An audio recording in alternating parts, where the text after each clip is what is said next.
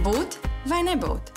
Teoloģija ir biedējošs vārds, taču ar tās palīdzību mēs varam rast atbildes uz dzīves lielākajiem jautājumiem, kā arī veidot racionālu uzskatu par dzīvi un jēgu.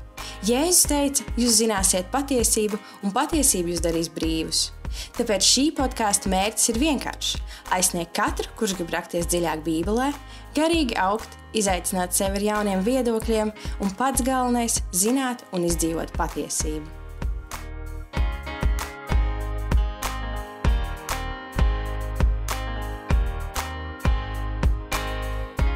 Esiet sveicināti Racionāls viedoklis podkāstā, kurš runā par visādi veidi kristīgās teoloģijas tēmām. Man ir milzīgs prieks, ka es varu būt klāt ar jaunu epizodi. Šī, manuprāt, būs tiešām fantastiska epizode. Tāpēc es ceru, ka jūs kārtīgi atvērsiet ausis, ieklausīsieties un varēsiet izsekot līdzi. Eh, bet pirms mēs eh, lecam iekšā epizodē, pirmkārt, sveic, sveiciens visiem jaunpienācējiem.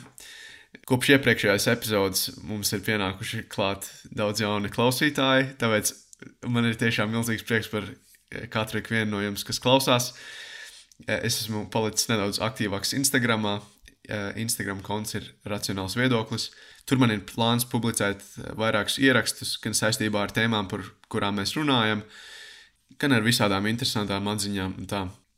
Vēl viens paziņojums: es nākamajā mēnesī dodos prom uz visu mēnesi, tā teikt, atvaļinājumā. Tāpēc man ļoti žēl, ka man nākamā mēnesis visticamāk nesanāks baigi studēt. Bet um, es esmu sagatavojis jau kādas epizodes, kuras varētu izlaist. Um, jā, nākamā epizode noteikti būs otrā daļa dievišķajai padomē. Es viņu vēl neesmu samontējis, bet es ceru, varbūt nezinu, lidmašīnā varēšu samontēt vai kā. Bet uh, šai epizodei, ja precīzāk šai tēmai, arī būs otrā daļa, ja drīzāk turpinājums šai, šai tēmai, jo es negribēju visu iekļaut tādā vienā miksā. Es gribēju, lai jūs sagramojat to, ko es šodien teikšu Un tad nākamreiz es paturpināšu ar vienu ļoti spēcīgu ideju. Eh, šodien mēs runāsim par logos. Es mēģināšu atbildēt uz eh, jautājumu, kāpēc Jānis izmanto tieši šo vārdu, eh, logos, jeb vārds. Un es atceros pirms vairākiem gadiem, kad es vēl biju mazs zēns, man arī radās šis jautājums, kāpēc Jānis tieši izmanto šo vārdu vārds kāpēc viņš saka, iesākumā bija vārds, un vārds bija pie dieva, un vārds bija dievs. Un viņš šajā prologā, kāpēc, kāpēc šis termins?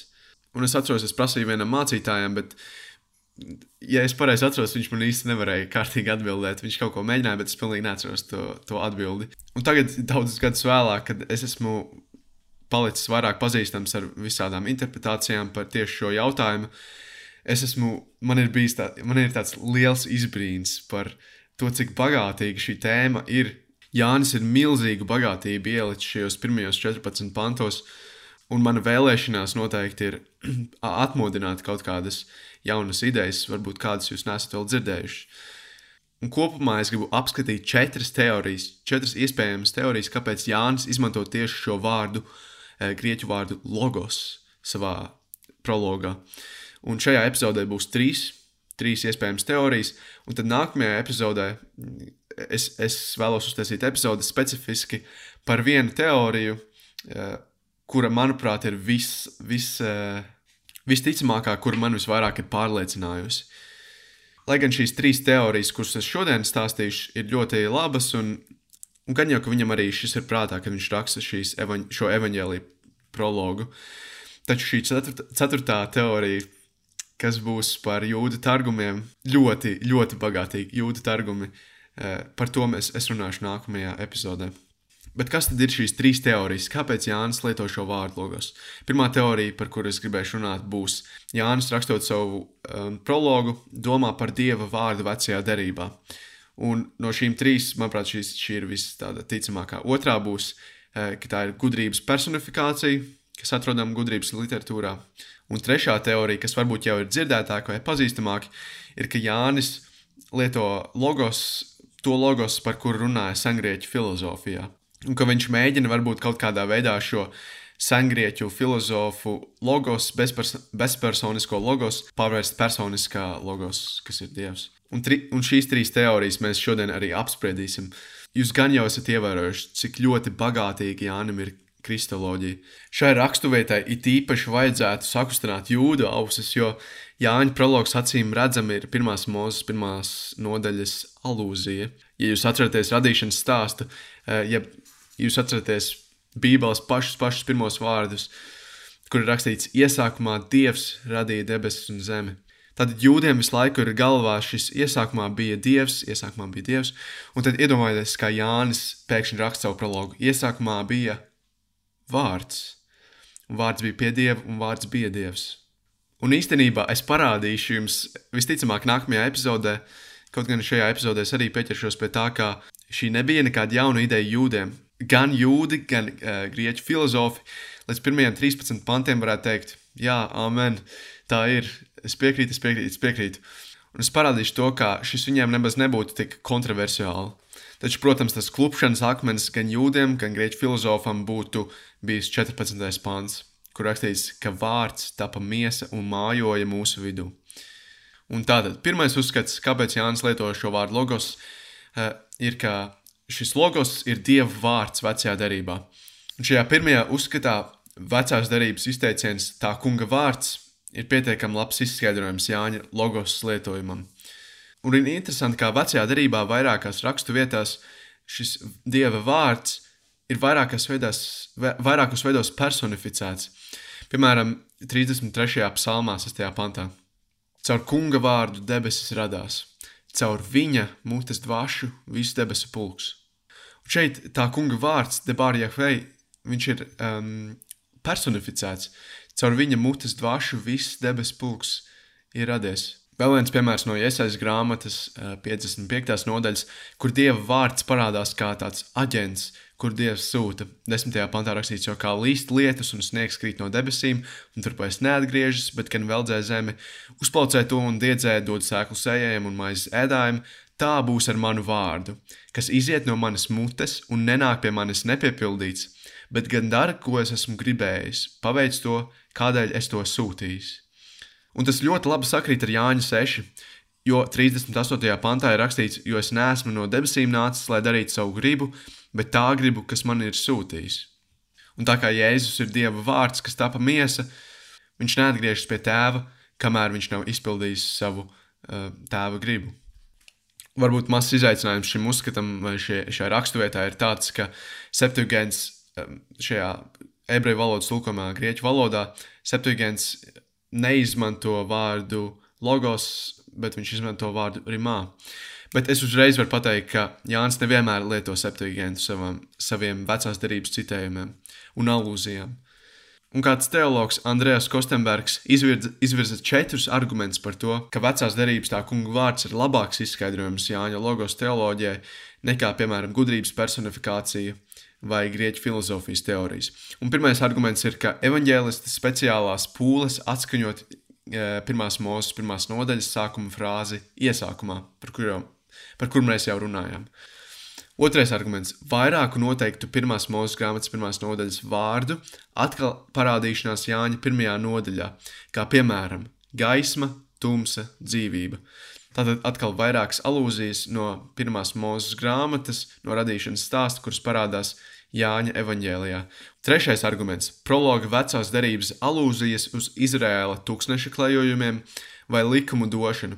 Un šeit ir tā kā Un šeit tik tiešām varētu taisīt atsevišķu epizodi par tūkstošu klejojumiem, bet uh, par likumu došanu jau uzreiz ir kaut kāda alūzija uh, 17. pantā. Un ceturtais arguments - evanģēlis Jāņa, Iesaijas 55, 9 līdz 11, to, ko mēs nolasījām par to uh, vārds, kas ir izsūtīts. Uh, adaptācija kā pamats viņa kristaloģiskajai struktūrai. Četri argumenti, spriediet paši. Otrais uzskats, otrā teorija - gudrības personifikācija, kas atrodama gudrības literatūrā. Un ir vecās un jaunās darbības zinātnieki, kas uzskata, ka tā gudrība, kas vairākās vietās, vairākās bībeles vietās, kā arī eks, ekstra bībeliskos materiālos, kā piemēram Sīrahā, Baruhā eh, un gudrības grāmatā. Tie visi ir apokrifi, eh, un arī Salama pamācībās, kas ir Bībelē. Eh, ir zinātnē, kas uzskata, ka šī, šī gudrības personifikācija ir tas balstījums uz Jāņa logos lietojumu. Un Tomas Tobins, jaunās derības un agrīnās kristietības profesors, kurš patiesībā vairāk uzskata nu, atbalsta to trešo par to filozofisko uzskatu, bet viņš raksta par šo uzskatu šādi. Gan logos Jāņa prologā, gan gudrība jūdu gudrības literatūrā sākumā ir pie dieva. Abi ir iesaistīti pasaules radīšanā, abi cenšas atrast vietu starp cilvēci, par to nedaudz vēlāk. Abas ietilpst ebreju tradīcijās par pirmās mūža grāmatas agrīno nodaļu dziļākas nozīmes spekulēšanu. Turklāt daudzas paralēlas starp logos Jāņa prologā un gudrības figūru ir atrodamas fragmentos, kuriem tāpat kā prologam ir poetisks raksturs. Tātad paralēlas ir ne tikai konceptuālas, bet arī stilistiskas. Un šīs stilistiskās atsauces ir ļoti interesantas. Padomājiet, Exodus 25.8. Uh, otrās, atvainojos, otrā mūža grāmata 25.8. Lai viņi man taisa svētnīcu, kuras varētu mājot viņu vidū. Atceramies, uh, Dievs liek uh, Izraēla tautai, kad viņi ir iznākuši no Ēģiptes, taisīt viņiem svētnīcu, kur sauc par sajiešanas telti. Un atceramies, tā sajiešanas telts bija svēta vieta, svēt, Dieva svētā vieta, kur Dievs izvēlējās mājot un satikties ar cilvēkiem, ar Izraēlu, kamēr pats Izraels uh, klaiņoja pa tūkstnesi. Šo svētnīcu vēlāk arī sauc par tabernākulu. Un 25. nodaļā, 8. pantā rakstīts, lai viņi taisa man svētnīcu, kuras varētu mājot viņu vidū. Mājot, šeit šis, protams, ebreju valodā rakstīts, bet uh, vēlāk, kad viņš tiek pārtulkots grieķu valodā, elektrēks tulkojumā, jeb septuagintā, šeit vārds ir tieši tas pats vārds, kurš ir Jāņa prologā 14. pantā. Un šis vārds ir skaino. Un tad 14. pantā burtiski ir rakstīts uh, grieķu valodā, un vārds tapa miesa un telšoja uh, un, un tabernākuļoja mūsu vidū. Skaino tieši šis vārds. Un vienā no apokrifiem parādās šī interesantā ideja, kā gudrība mājo un nolaižas, jeb telšo starp cilvēkiem. Un šis apokrifs ir sīraks, uh, 24, 1 līdz 8. Pirms es lasu, es atgādinu, es kā klasisks protestants neticu, ka sīraks ir um, dieva iedvesmots vai, vai tas būtu uzreiz, um, tie, ka tie būtu svētie raksti. Bet ekstra bībeliska literatūra daudzreiz mums var parādīt, kā tā laika jūdi domāja, kādas bija viņu tradīcijas, kas var mums palīdzēt vairāk iedziļināties tajā kultūrālajā kontekstā, kāds, piemēram, Jāņa evaņģēlijas kādā, piemēram, Jāņa evanģēlijas ir rakstīts. Jo mēs zinām, ka neviena Bībeles grāmata netika rakstīta vakumā. Jāņa evanģēlijas tāpat. Un, jā, vienalga, Sīraks 24, 1 līdz 8. Gudrība teica savu godu. Ievērojot šeit, kā gudrība tiek personificēta, un viņa mājo un nolaižās pie cilvēkiem, pie jēkaba. Gudrība teica savu godu, savas tautas vidū lepojas, visu augstākā sapulcē adara lūpas, viņa varano priekšā lepojas. Šeit parādās, kāds, kāds ievēroja, šeit parādās dievišķā padoma. Labi, turpinam, trešais pants. No visaugstākā lūpām nākusi kā migla, es klājos pār zemi. Es apmetos teltī debesu augstumos, mans tronis mākoņu stabā. Viena pati es ietvēru debesu loku, klejoju bezdibens dzīvēs. Jūras bangās, it visā zemes virsū, ik tautā, ik ciltī bija mans ieguvums. Tajās visās lūkojās pēc rimtas. Kam gan ir mantojums, kurā apmesties man? Tad tas, kas bija radījis visus, man pavēlēja, gudrībai pavēlēja. Ja? Tad tas, kas bija radījis visus, man pavēlēja. Kas bija radījis mani, tas izlēma. Kur manai teltī rast rimtu? Viņš sacīja: Apmeties Jēkabā, Izrēlā, lai ir tavs mantojums. Uzskatām, ka Jāņa vārds ir atkarīgs no tās gudrības, kas atrodama gudrības literatūrā. Ir daudz kopīgi uh, ar uzskatu, ka logos ir atkarīgs no vecās derības dieva vārda, jo gudrība daudzās vietās ir īpaši pielīdzināta dieva rakstītiem vārdam. Tūlītais tikko nolasītā citāta uh, Sīrahā par gudrību, kas dzīvo kopā ar cilvēci, mēs lasām par gudrību, ka viņa ir dieva baušļu grāmata, likums, kas pastāv mūžīgi. Visi, kas to turēs, dzīvos, un tie, kas to atstās, mirs. Un šādā veidā tā gudrība parādījās uz zemes kā Izrēlam dotā tora. Un teologs Čārls Haralds Dots par šo raksta, ka fakts, ka gudrība ir imanenta starp cilvēkiem, piedāvā tādu kā matriksu, kurā inkarnācijas ideja varētu rast savu formu. Viņš arī piebilst, ka gudrības literatūra ir tuva idejai, ka vārds bija dievs. Ne trešā klauzula uh, Jāņa evanģēlijā - vārds bija dievs. Jo funkcijas, kas ir piemērotas gudrībai, acīm redzami ir tās pašas, kuras ir piemērotas pašam dievam. Piemēram, par to pašu mājošanu cilvēku vidū. Nu, it īpaši Izraēla vidū. Mēs zinām, ka Dievs mājo Izraēla vidū, tajā sēžamās teltī. Tāpat arī gudrība mājo. Un, uh, tas ir tikai viens piemērs.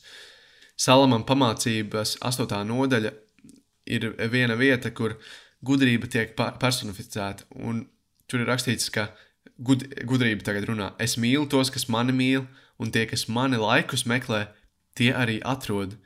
Un interesanti, kā Salamam pamācības 14. nodaļa raksta, ka smējējs meklē gudrību, bet to neatrod.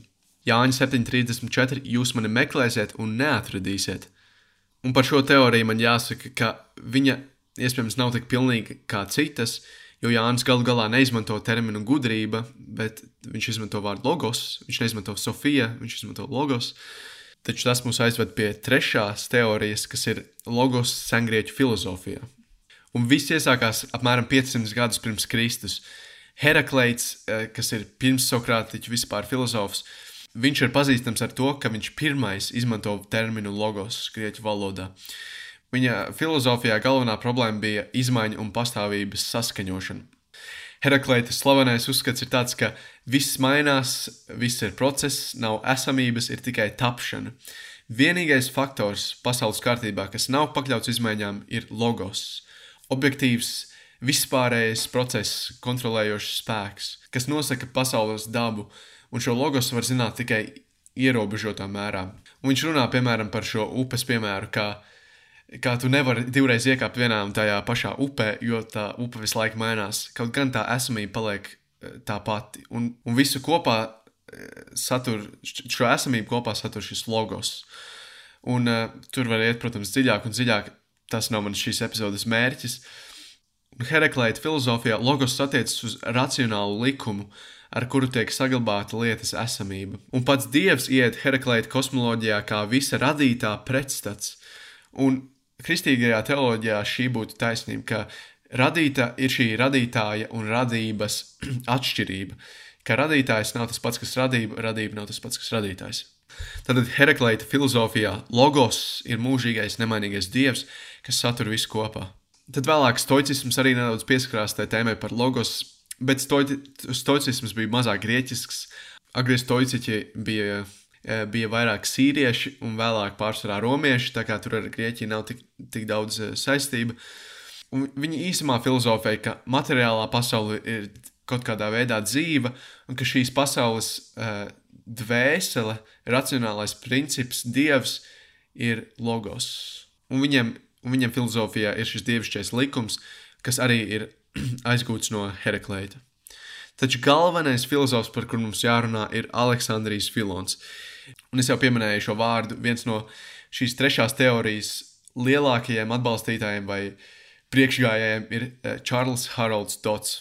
Un šis ir nedaudz sarežģīti uh, pat priekš manis, jo Čārlis Dots viņš, viņš argumentē ar daudzām paralēlēm, kuras ir atrodamas starp Jāņa prologu un Filonu. Un, piemēram, Jāņa evanģēlijas iesākās ar vārdiem: Iesākumā bija vārds, NRK, NH logos.